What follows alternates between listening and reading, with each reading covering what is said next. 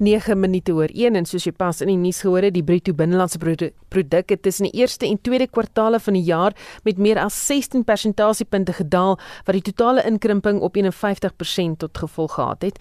Die land was in April, Mei en Junie onder streng inperkingsmaatreëls weens die koronaviruspandemie. Statistieke Suid-Afrika sê dat die tweede kwartaal van vanjaar dalk in die toekoms sal bekend staan as die pandemie kwartaal. Ons praat nou met professor Waldo Krugel, ekonom van die Noordwes Universiteit. Uh, Goeiemôre Waldo. Goeiemôre Susan. Is die statistiek net te wyd aan die staat van inperking weens die pandemie? Die staat van inperking het verseker 'n rol gespeel Susan. Uh, ek dink in daardie eerste paar weke van die inperking het ons ekonome by die huis gesit en wonder wat doen hierdie aan die ekonomie? En nou weet ons uh, die waarde van produksie en van besteding was ongeveer die helfte laer. Is ons nou in 'n resessie? Verseker. Uh, mense hoef nie eers te stry of dit 'n tegniese resessie of is of nie, hierdie is 'n resessie. Hoe vergelyk ons met ander lande? As jy sien feitelik alle lande het 'n baie skerp inkrimping beleef in die tweede kwartaal. So ons 16% inkrimping van die eerste na die tweede kwartaal uh, is uh, in vergelyking met die hele euro area hulle het minus 12% beleef die FSA minus 9,5% sal die 'n uh, impak hê op die Reserwebank se besluit oor rentekoerse volgende week? Ek dink dit moet uh, verseker in hulle gedagtes wees Susan. Hulle het ook in hierdie afgelope uh, dag of twee te kenne gegee dat hulle dink daar is beweegruimte om die reepekoers te verlaag.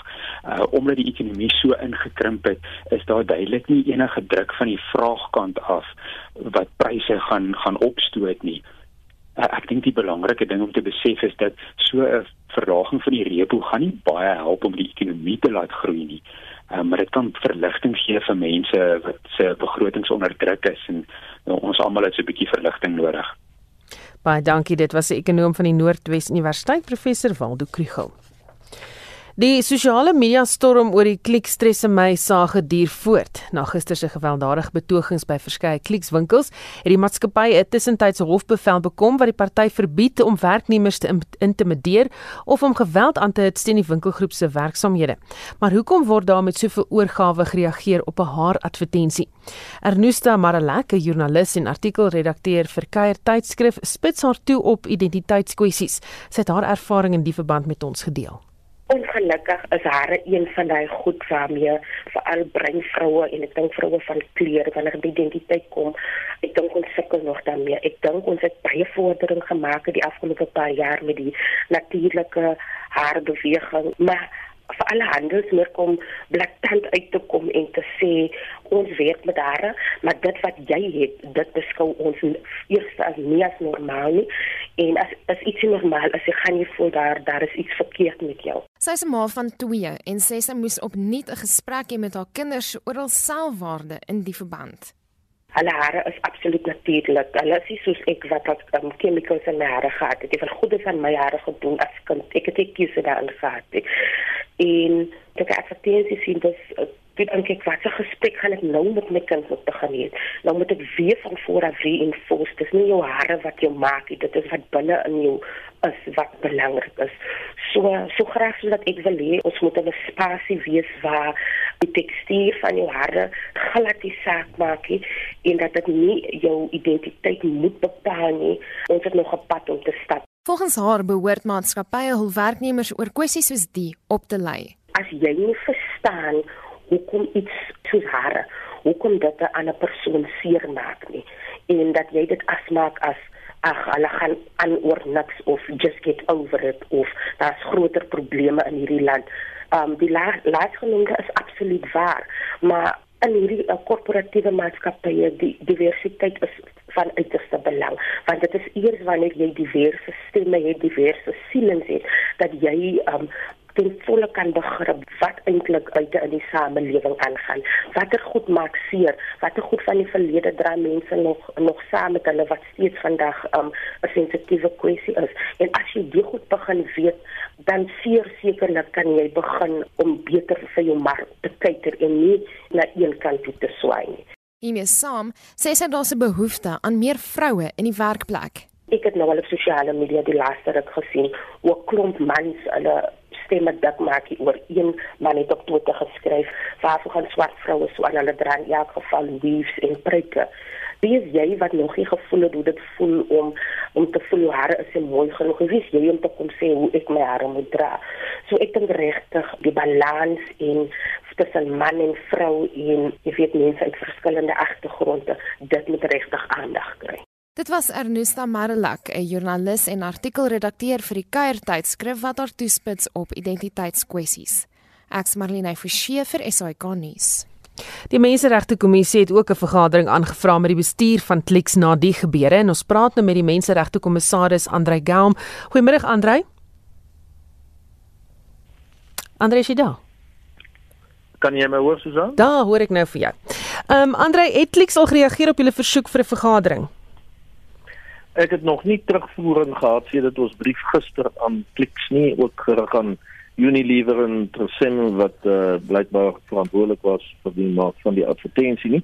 Maar ons verwag dat hulle uh, spoedig sal reageer want dit is 'n saak van dringendheid vir ons en ons wil graag hê dat die uh, vergadering so vinnig moontlik plaasvind sodat ons kan verstaan behalwe vir die verskoning wat Clicks gemaak het ook watter maatreëls hulle beplan om uh in te stel om te verhoed dat soortgelyke advertensies weer in die toekoms geplaas word en om ander verantwoordbaarheids- en sensitiwiteitsmaatreëls aan te dui wat hulle van plan is om uh, te neem op die pad vorentoe.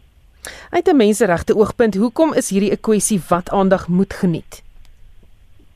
Wel, dit het uiteraard direk met menseregte te doen, dit het met gelykheidskwessies te doen, dit het te doen met met menswaardigheid. Aan die een kant het ons uh wit vroue wat uitgebeeld word as synde dat hulle normale hare het en in een geval word dit beskryf as uh fyn plat of ook al mense presies wil vertaal die oorspronklike fine and flat weergawe.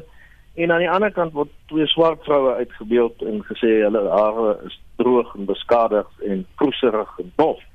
So die feit van die saak is ek dink die vorige deelnemer aan die gesprek nou 'n oomblik gelede het ook aangedui dat as uh, dat uh, mens behoort te verstaan dat uh, hierdie kwessies baie sensitief is ook teen die agtergrond van ons geskiedenis en dat 'n mens juis moet aanmoedig dat vroue nie bekommerd moet wees oor die presiese tekstuur van hulle hare nie, dat die tekstuur nie saak maak nie.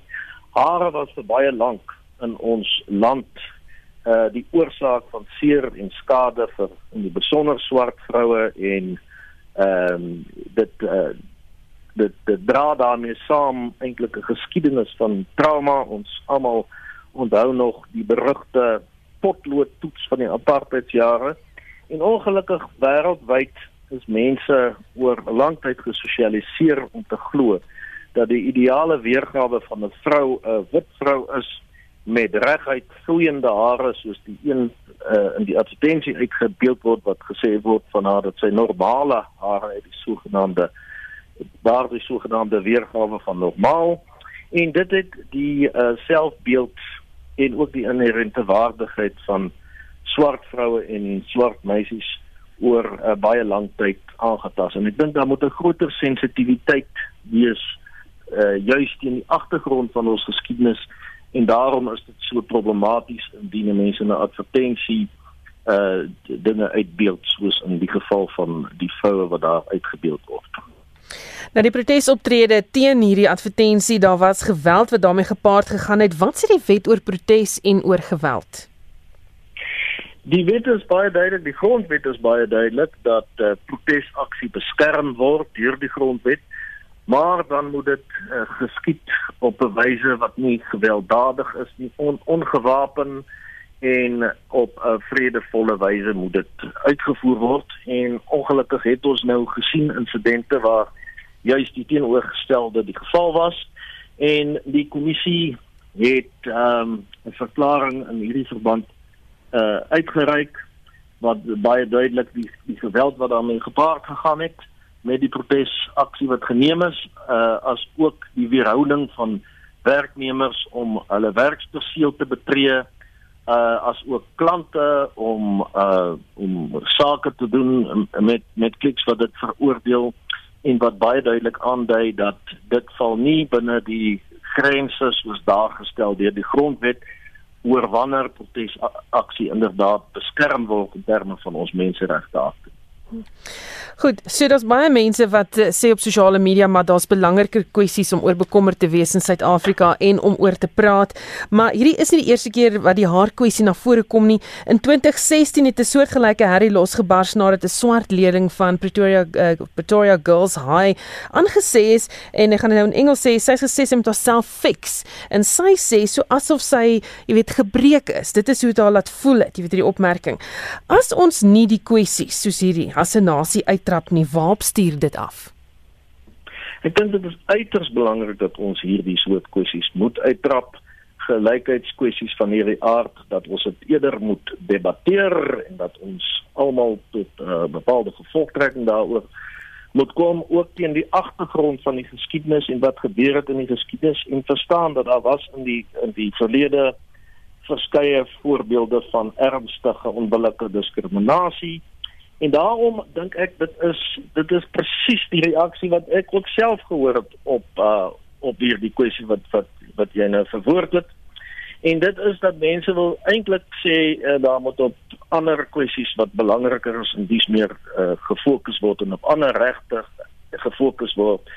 Uh dit is nie die korrekte benadering nie. Uh regte is interafhanklik Ehm uh, en dit is uiters belangrik dat ons op ons hele menseregte akte fokus en seker maak dat al die regte daarin verskans beskerm word.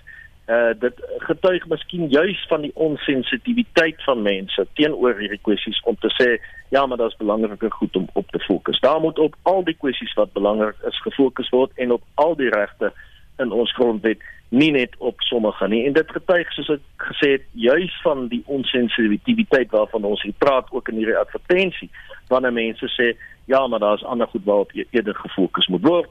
Want wat hulle eintlik dan sê is dat die gelykheidsregte in Swaan eintlik maar geïgnoreer kan word. En baie keer vind mense dat mense dit sê totdat hulle in die spervuur is en totdat daar uh, teen hulle onbillik gediskrimineer word. En dan skielik word dit 'n belangrike kwessie. Ek dink nie ons moet so oor hierdie goed praat of dink nie.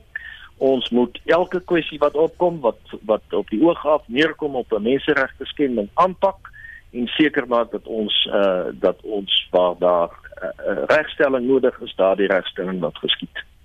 As ons dit nie doen nie, kan ons dieselfde roete volg as die FSA. Wel, ek dink ons kan dieselfde roete volg as verskeie lande waar menseregte in 'n stadium nie meer so belangrik geag is nie en waar daar gesê is uh, ons moet eerder op die ekonomie wat ook al konsentreer. Die punt is die ekonomie wat 'n land in 'n gegeewe stadium het is ook maar baie min werd indien daar nie werklike kultuur van menseregte in daardie land geskep is en steeds geskep word nie. En daarom menseregte is onderliggend aan ons ehm um, nasie en aan ons demokrasie. Ons grondwet sê ook so So uh dit is kardinaal belangrik vir die land, vir die toekoms van van die land, vir die ekonomie, vir mense se welstand in die land om seker te maak dat wanneer daar 'n skending van menseregte is, ons dit ernstig opneem, ons daaraan aandag gee en ons regstelling laat geskied in daardie verband. Baie dankie, dit was die menseregte kommissaris Andre Galm.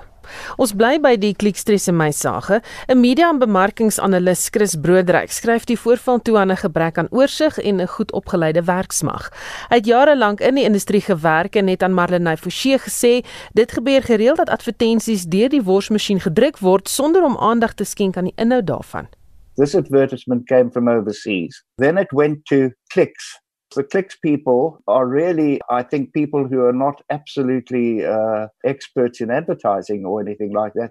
They just put together advertisements. They just took this advertisement and put it in, probably without even looking at it too closely. And this happens a lot in South Africa. Hy sê groot maatskappye soos Clicks met weekliks massas bemarkingsmateriaal versprei op verskeie platforms. Haastige prosesse is dus aan die orde van die dag. There are two situations that happen. One is that advertisements come from overseas that are just not actually, you know, right for this country at all, for our society and for our prejudices, quite honestly. The other thing is ads are made here in South Africa by people who really just don't think. They actually just go ahead with what they think is a brilliant idea and it's full of either mistakes or it's full of things that are going to upset people.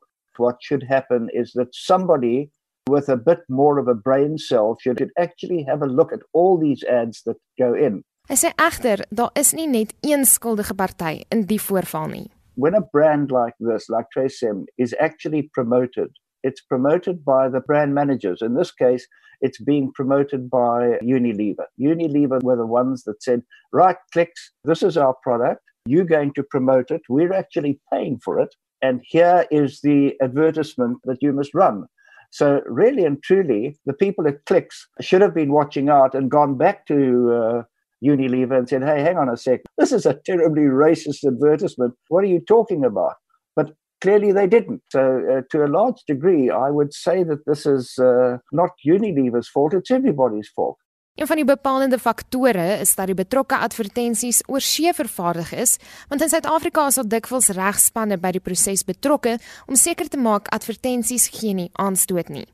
Intussen sit die industrie in Suid-Afrika met 'n onervare werksmag. Problem is at the client side, most of the brand managers and product managers, the great ones that we had, the really talented ones we had, aren't in this country anymore. They've all left.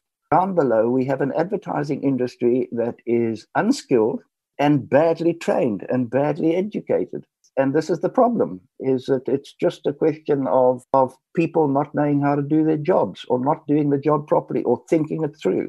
But all of this is always done in a hurry. There's always tremendous pressure. It's pressure, pressure, pressure. Verskeie groot maatskappye soos H&M en Woolworths in Suid-Afrika het ook al deurgeloop weens advertensies wat aanstoot gee, maar Moerdijk sê maatskappye leer gewoonlik net deur te voel. The EFF have gone way beyond a peaceful protest on this and the shops have been destroyed and that, that's not right. The point is I'm hoping that they will learn from it. Brands will say, hang on, we don't want to end up like clicks. Let's just be careful and that they have to put in their all these brands should be putting in their own oversight. You know, it's a bit like saying, you know, how are we going to uh, put an end to people drinking and driving? It's almost impossible. One can have all the laws and all the rules. And the only way that these brands learn something is from experience. And I can assure you that uh, clicks aren't going to make that mistake again because they're going to put in the proper oversight. Dit was 'n media en bemarkingsanalis Chris Moerdijk. Ek's Marlene Forsie vir SAK nuus. Die minister van Samewerkende Regering en Tradisionele Sake, Susana Dlamini Zuma, het vanoggend die Nasionale Raad van Provinsies toegespreek oor die uitdagings en geleenthede in plaaslike regering. Ons praat nou met ons parlementêre verslaggewer, Zelin Merrington. Goeiemôre Zelin. Middag Susan. Wat is die uitdagings wat die minister geïdentifiseer het?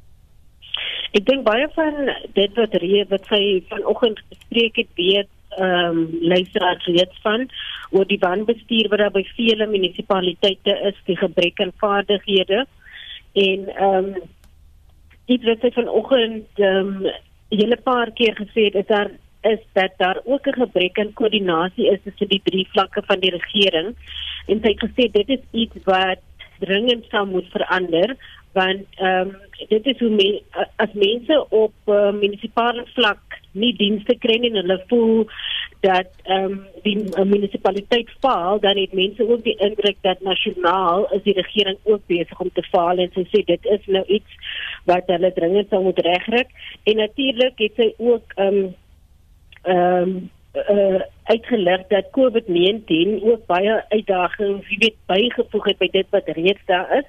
En ehm um, sy sê onder andere dat dit hoogs waarskynlik dat baie meer munisipaliteite nou finansiëel ehm um, nie meer uh, finansiëel lewensvatbaar sal wees as wat vroeër die geval was nie omdat daar die moontlikheid is dat uh, mense natuurlik hul werk verloor het en dan nou nie verdienste kan betaal nie so dit het nou weer 'n uh, impak op hoe die munisipaliteit sy werk kan doen. En so sê selfs die wat voorheen wel ehm um, goed gedoen het om dienste te lewer kan dalk nou so beïnvloed word dat as gevolg van uh, minder inkomste uit, uh, uit uit die sak van belastingbetalers sal hulle nou ook dieselfde paadjie loop as baie ander waar dan net nie geld is om dienste te lewer nie.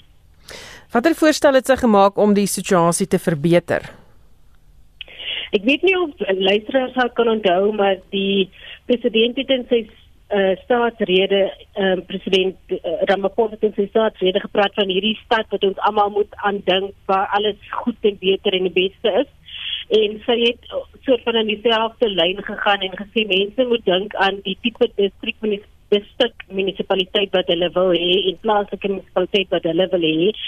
En sy het nou ehm um, sy sê die president het uh, ministers en adjunkministers 'n soort van 'n elke ehm um, uh, distrik munisipaliteit toegedig waar hulle nou so 'n meer persoonlik uh persoonlike verantwoordelikheid moet neem, nou nie persoonlik nie, maar as minister en adjunkminister is dit deel van hulle werk om nou 'n uh, besondere belangstelling in 'n distrik munisipaliteit te neem om te verseker dat dit wat beplan word uiteindelik deurgevoer word en daarvoor gaan hulle nou die drie vlakke van die regering hê teenwoordig en ook ehm um, jy weet ander rolspelers in die gemeenskappe jou vroue jou jeug die boerdery gemeenskap tradisionele leiers en so.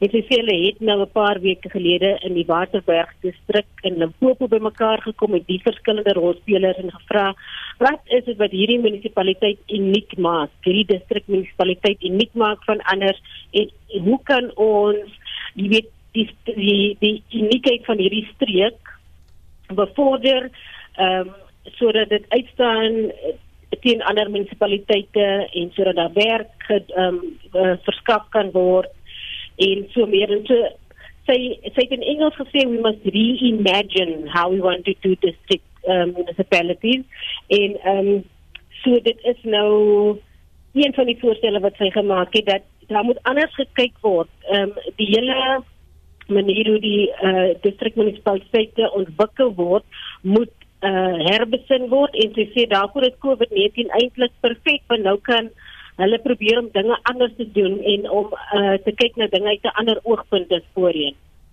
Baie dankie, dit was ons parlementêre verslaggewer Zelin Merrington.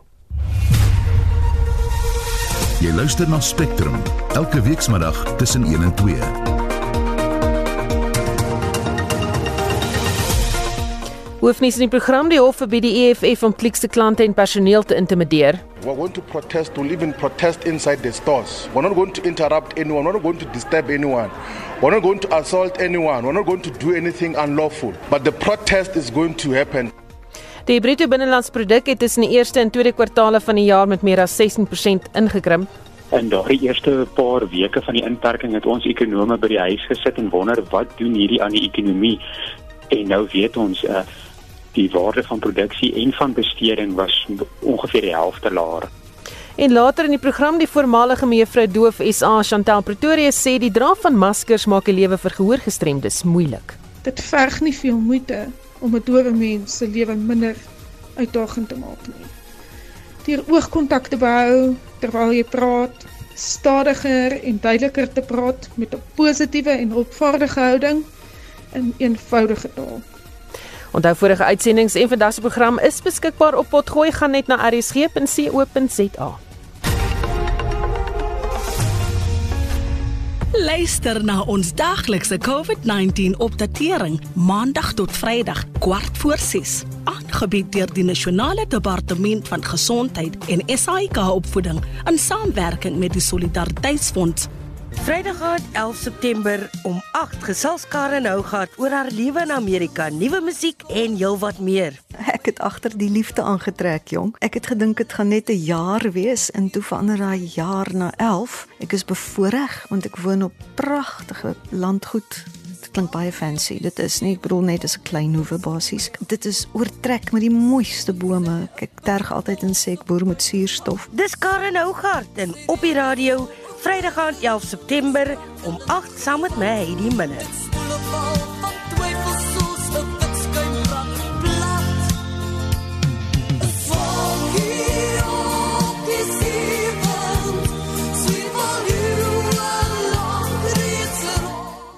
Daar RSG verkeer.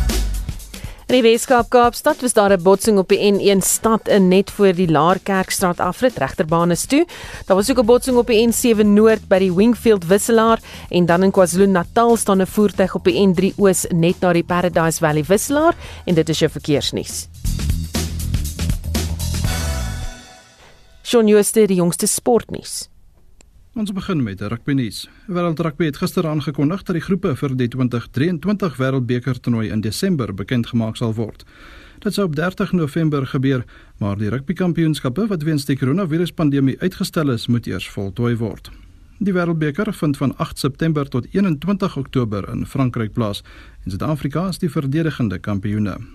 Op die tennisbaan in die kwart eindstryde van die Amerikaanse Ope in New York, in die mansafdeling met die Duitser Alexander Zverev vanaand teen Borna Coric van Kroasie en Denis Shapovalov van Kanada môreoggend teen Pablo Carreño Busta van Spanje kragte. In die vroue afdeling kom Julia Putintseva van Kazakhstan teen die plaaslike Jennifer Brady en Naomi Osaka van Japan teen nog Amerikaner Shelby Rogers te staan.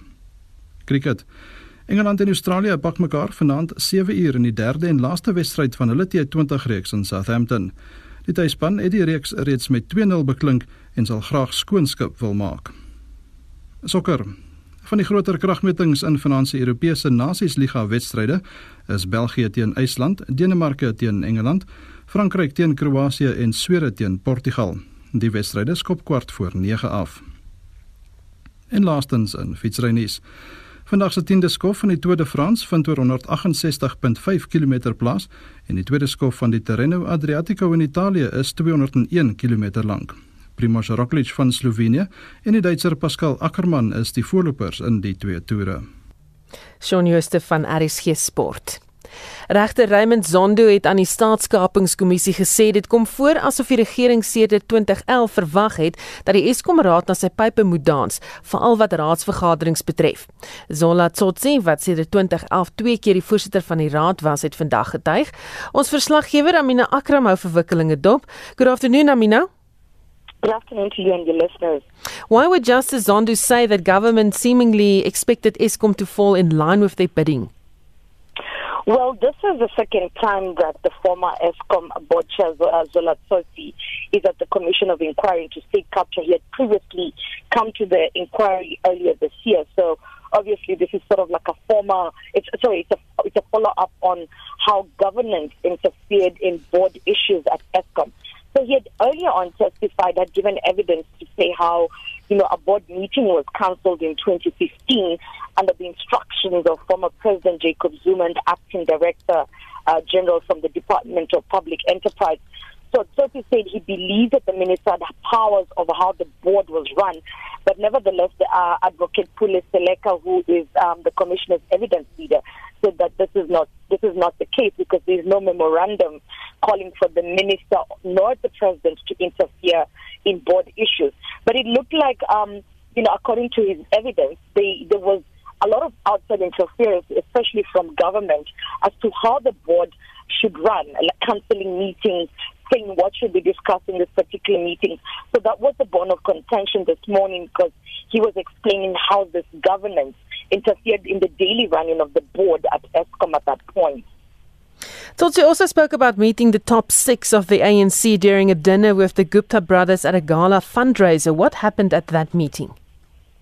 Zola says that he was invited uh, to this particular event, which was happening during the time when the now, uh, you know, non-functioning TMA media meetings were happening. So this particular event happened to the preceding to the ANC January 8th um, rally in 2014.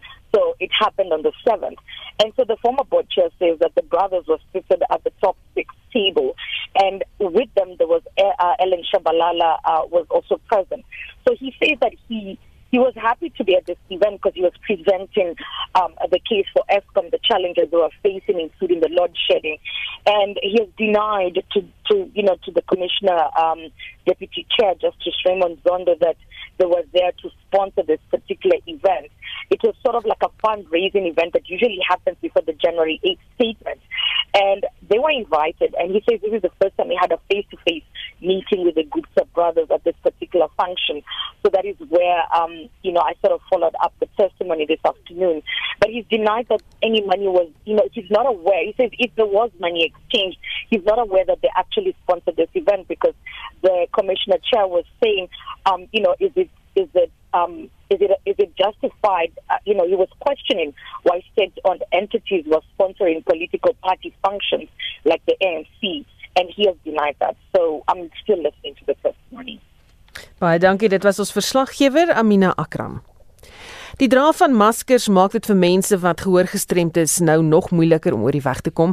September maand is doofheidsbewustheidsmaand en die voormalige mevrou Doof SA, Chantel Pretoria sê, omdat mense kan sien iemand is doof nie, maak dit gehoorgestremdheid ekstra uitdagend. Gehoorverlies is 'n verlies wat nie fisiek waargeneem kan word nie, wat dikwels die gevolg het dat die publiek hulle nie daarmee kan vereensgewig nie. Gevolglik het horende mense nie altyd die nodige kennis, ervaring en inligting om hulle kommunikasie doof toeganklik te maak nie. Graag wil ons die publiek bewus maak dat die meeste dowes lippe lees. En ja, die maskers is 'n uitdaging en dit maak dit moeilik. Dit verg nie veel moeite om 'n dowe mens se lewe minder uitdagend te maak nie. Deur oogkontak te behou terwyl jy praat, stadiger en duideliker te praat met 'n positiewe en hulpvaardige houding in eenvoudige taal. As mens hierdie aspekte in ag neem, sou dit help om die gaping tussen die dowes en die hoorendes te oorbrug. Pretoria sê deur net begrip te hê vir die situasie kan 'n persoon met gehoorgestremdheid se lewe soveel makliker gemaak word. Omdat taal en kommunikasie so 'n uiters belangrike rol speel in die funksionering van elke mens, is dit baie belangrik dat die wye publiek 'n beter begrip sal hê van die belangrike aspekte van doofheid en dat die kloof tussen die dowes en die hoorendes nie agterweeg laat moet word nie. Sy sê mense wat kan hoor kan gerus by mense wat doof is gaan leer hoe om regtig te luister.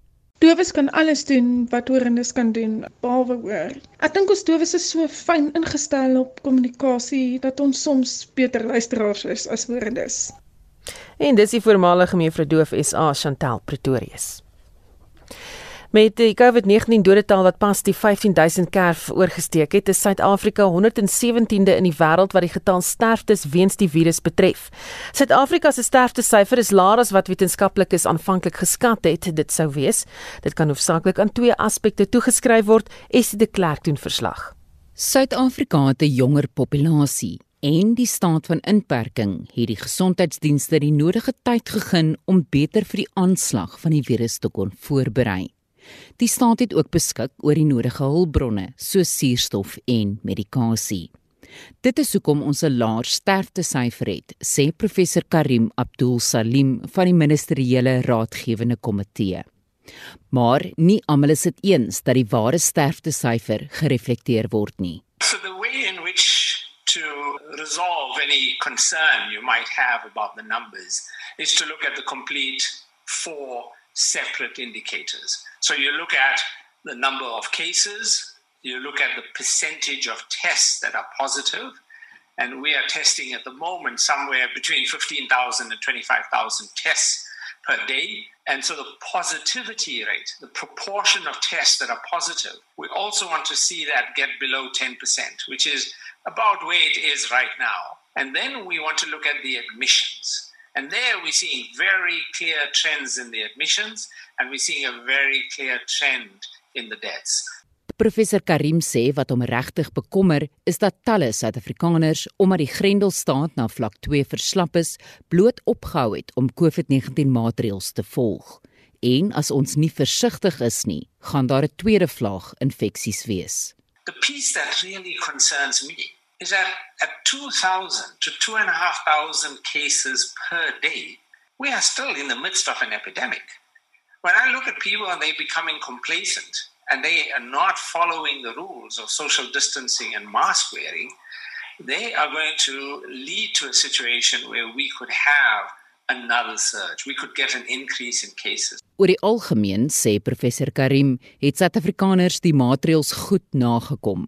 Dit is hoekom ons oor die piek is en die syfers besig is om af te neem. You need to move from a situation where you depended on government action to a position where you depend on individual action. But that individual action needs to consider that I will never be safe unless everyone is safe. I am safe because you are safe. And that belief system will enable us to protect everybody. Because if we don't take that approach, then we will have individuals that will have a don't care attitude, and that might pose a problem. And I think so far we've done reasonably well. There are pockets where we're not doing as well, but overall, the reason our epidemic came down as rapidly as it did is because we had enough people adopting the various prevention measures. Because if we didn't, we would still be in the midst of 10,000 cases per day. Suid-Afrika is ook deur die Wêreldgesondheidsorganisasie vir die hantering van die pandemie geloof. Die WHO het vroeër wetenskaplikes en gesondheidskundiges na Suid-Afrika gestuur om ons kundiges met die bestuur van die COVID-19 pandemie by te staan. Die direkteur-generaal van die WHO, Tedros Ghebreyesus, het gesê die krisis is goed bestuur. The week of July 20 was when had the highest peak, more than it's 3,000 cases uh, per week. And now in the week of August 24, that's the last week, it's now 15,000 cases per week. This is a significant reduction. Uh, but not just the number of cases, the most important indicator is actually deaths. And the number of deaths, if we take when it reached its climax, the August 3, more than 2,000 a week. Now in August 24 it's actually 900.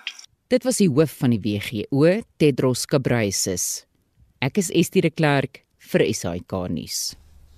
Die Machabeng munisipaliteit in die Vrystaat het die Hooggeregshof genader om sy bankrekening weer aan hom terug te besorg nadat Eskom daar beslag gelê het. Die munisipaliteit skuld die kragvoorsiener sowat 3,4 miljard rand, maar hou vol dat die vries van sy bankrekening onwettig is, Marlenae Forsie berig. Eskom het beslag gelê op die bankrekening omdat die munisipaliteit nie daarin kon slaag om sy skuldlaste vereffen nie. 'n Hofbevel is hiervoor toegestaan. Inwoners sê intussen die gebrek aan elektrisiteit verhoed hulle om 'n bestaan te maak. Ons kan dit nie bekostig om sonder krag te wees nie. En Macheben kan dit nie verstaan nie. Wat hulle met die geld maak, ek weet nie.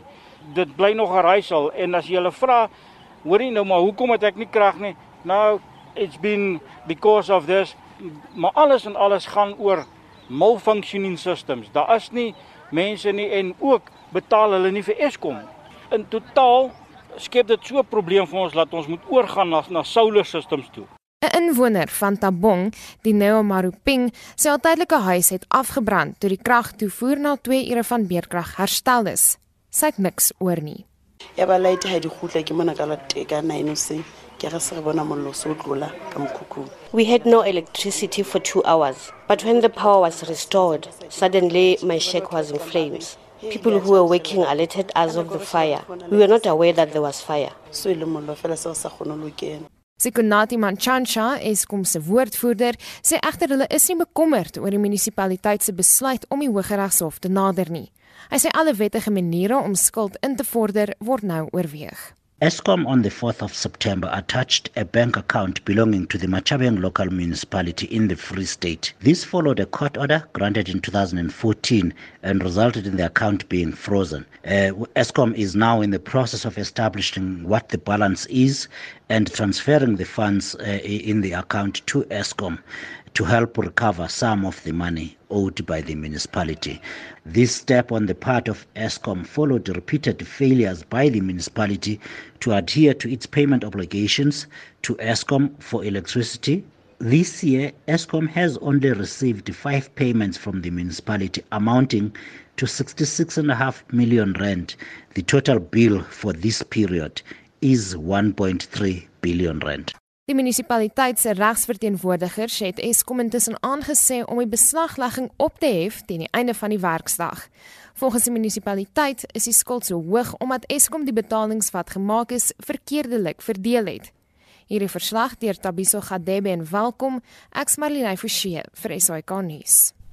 Verlede week het Spectrum berig oor gesiggestremde mense, veral vroue wat nie hulp van die polisie ontvang nie. Blind SA beweer meeste van die tyd word die vroue weggewys omdat hulle nie 'n ooggetuig kan wees van 'n misdaad nie. Intussen stroom berigte in van vroue wat in die afgelope 24 uur vermoor is deur hulle eggenote. Die president Cyril Ramaphosa het ook gister in sy weeklikse nuusbrief gesê dat drie nuwe wetsontwerpe aan die parlement voorgelê is wat spesifiek gaan fokus op geslagsgebaseerde geweld. Ramaphosa het in sy nuusbrief gesê die waarheid is dat baie vroue vertroue verloor het in die reg en die wetgewing sal dit hopelik verander. Lisa Wetten van die Wits Universiteit en kenner van seksuele geweldsmisdade sê ons het reeds goeie wetgewing en dat die probleem nie daar lê nie. Well, there are three different laws, and different aspects of those three different proposed amendments are useful. I think the ones that are possibly the least useful are those that are amending the Sexual Offences Act. They're, these largely focus on extending the range of categories deemed vulnerable who employers will need to check against the sex offenders register first before employing, if they, you know, if those employees will have contact with any of the vulnerable groups, and also proposes making that list publicly available on the Department of Justice's website. It's quite clear, I think, that focusing on those 8% of cases which actually result in a conviction, where somebody will go onto a sex offenders register, is perhaps not where the problem is. We should be looking at the 92% of cases which never get to the police that never make it to court, that never even make it to trial. Wetten sê om nog wetgewing daar te stel gaan nie die probleem oplos nie. Mense se ingesteldheid moet eers verander. That is the most significant problem. I think aspects of both of all three laws are very much knee jerk. They're reactions to angry popular opinion. And I think what has happened is that in some instances there's a missed opportunity here to look more extensively at entrenched systemic problems. If we go back to people with disabilities, for instance, it's all very well to provide protection to them in terms of the sex offenders register. But in most of the country, you cannot get a psychological assessment for an, a person with an intellectual disability, which becomes very important in terms of the court understanding what their abilities are to consent and the where they should pitch the questions. So if we don't get those underlying issues in place and address those problems, again, we're focusing at the wrong end of the problem. Weten sê verder dat as mense nie verantwoordelik gehou word vir hulle optrede nie, gaan geen wet die situasie van geweld teen vroue verander nie. If you have difficulties where you still don't have services, the police have still not been adequately trained, again, to go back to people with disabilities, there are no sign language interpreters to, to assist you with making a statement. So I think if we don't fix those day-to-day encounters that happen right at the beginning, I think it satisfies a, a popular desire to shame those who, who commit sexual offences, have them on a sex offenders register. But again, that's right at the very end point. We shouldn't be focusing our attention there. I mean, we should also be looking at things like why is it that in some provinces you can get a much better conviction rate than in others? Clearly, we should be going to find out what it is that's happening in, say, a province like Northern Cape, where they can accomplish that versus in a province like Gauteng, which has a lower conviction rate. So learn from what is working and see what we can translate nationally. En dit was Lisa Wetten van die Wits Universiteit en kenner van seksuele geweldsmisdaad. 'n Span plaaslike en internasionale wetenskaplikes het die eie soortige fluitgeluide van bottelneusdolfyne gebruik om die grootte van hulle populasies te bepaal en hulle beweging langs die Namibiese kuslyn te volg. Winsome Mofokeng berig, akoestiese moniteringstoestelle is vir die eerste keer gebruik om die populasieskatting te doen waar daar voorheen fotos geneem is.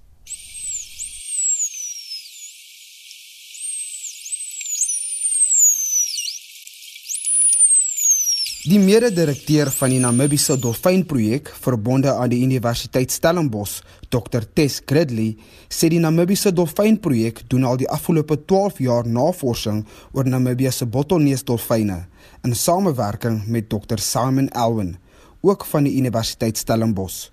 Sedert 2009 het hulle katalogus met meer as 55 eiesoortige fluitgeleide opgebou. We've been working up in Namibia since about 2008, and there we're studying a group of bottlenose dolphins, which is about 100 animals. And so, in particular, we've been doing uh, acoustic monitoring, so listening into the, the whistles of those bottlenose dolphins. There's a lot of information on bottlenose dolphins. There's about 50 years of research on the calls that they make. And from that, we know each bottlenose dolphin produces its own unique signature whistle. So these whistles are learned in the first year of life and they act a bit like a name. So when dolphins are separated at sea, they call out their names, their signature whistles, and it helps animals keep in contact with each other. So, what we were really interested in knowing is whether or not we could use acoustic monitoring, so effectively eavesdropping in on the dolphins, um, to calculate the number of animals in a particular population. Sy het meer as 400 uur se akoestiese data ontleed wat verkry is van vier hidrofone wat gedurende die eerste 6 maande van 2016 langs die noord- en suidkus van Walvis Bay, Namibië, geposisioneer is. So, whales and dolphins are quite difficult to study actually. So, although we feel like we know a lot about them, most of their life they spent underneath the water. And so, from that perspective, actually, acoustics is a much better way to study them than, say, going out on boats and taking lots of photographs. And with these hydrophones, these underwater microphones, we can effectively record the animals 24 hours a day, seven days a week, and in areas where we wouldn't be able to study them. So our population in Namibia goes from Luderitz all the way up north to Cape Cross and probably a bit further. So, from that perspective, acoustic monitoring can be quite a cost effective way of understanding dolphins and whales as they wander around our coastline. Also, in terms of work we're doing in South Africa, we're actually using um, information we've learned from the study in uh, Namibia to investigate how the endangered um, humpback dolphins are actually moving along our coastline. So we've got a PhD student at Stellenbosch University now working um, on developing this method further um, to look at how uh, these humpback dolphins are using our coastline and also to work out how many animals there are in that population. Die Namibiese Dolfynprojek is 'n navorsings- en bewaringsprojek wat in Walvis Bay en Luderitz in Namibië werksaam is. Dit word bestuur as deel van die Sea Search Navorsings- en Bewaringsgroep en betrek wetenskaplikes en spesialiste van verskeie Suid-Afrikaanse en internasionale universiteite en instellings. So, Sea Search and the Namibian Dolphin Project, which is the organisations that we run, we have relationships with various universities. Um, and in terms of our relationship with Plymouth, Emma Longdon, who's the first author on this paper, she actually visited us um, during the summer holidays as a research intern with us in 2016. And then she returned um, to complete her write up of this project um, last year. Um, we also take interns and students uh, within South Africa and also Namibia. So I've got a student at University of Namibia currently looking at um, how seals are feeding on uh, different prey items at the surface. Um, and I've got students through University of Stellenbosch and the University of Cape Town as well. Dit was Dr Tess Gridley, mede-direkteur van die Namibiese Dolfynprojek verbonde aan die Universiteit Stellenbosch. Namibië se bottelneusdolfyne wat bestaan uit tussen 82 tot 100 individue is die enigste groep bottelneusdolfyne wat langs die Suider-Afrikaanse kuslyn voorkom. Hulle is versprei oor die gebied van omtrent 1000 km langs die kuslyn by Mowe Bay, noord tot by Walvis Bay en suid tot by Luderitz. Vincent Mofokeng, SAICanis. Ons het pas verneem dat die maatskappy Tresemme wat verantwoordelik was vir die omstrede Clicks haarproduk advertensies se produkte van die winkel se ranke af verwyder gaan word. daarmee saam met Clicks die bedanking van die relevante senior bestuurder aanvaar en alle werknemers wat vir die advertensie verantwoordelik was is geskort. Ons hou op hoogte van al die verwikkelinge oor hierdie storie net hier op RSG. Ons groet namens ons waarnemende uitvoerende regisseur Wes op Pretoria, die redakteur John Estreisen en produksieregisseur Frikkie Wallis. My naam is Susan Paxton. Geniet jou middag.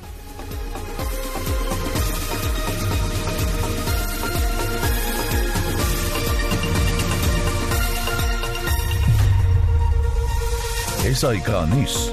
Onafhanklik, onpartydig.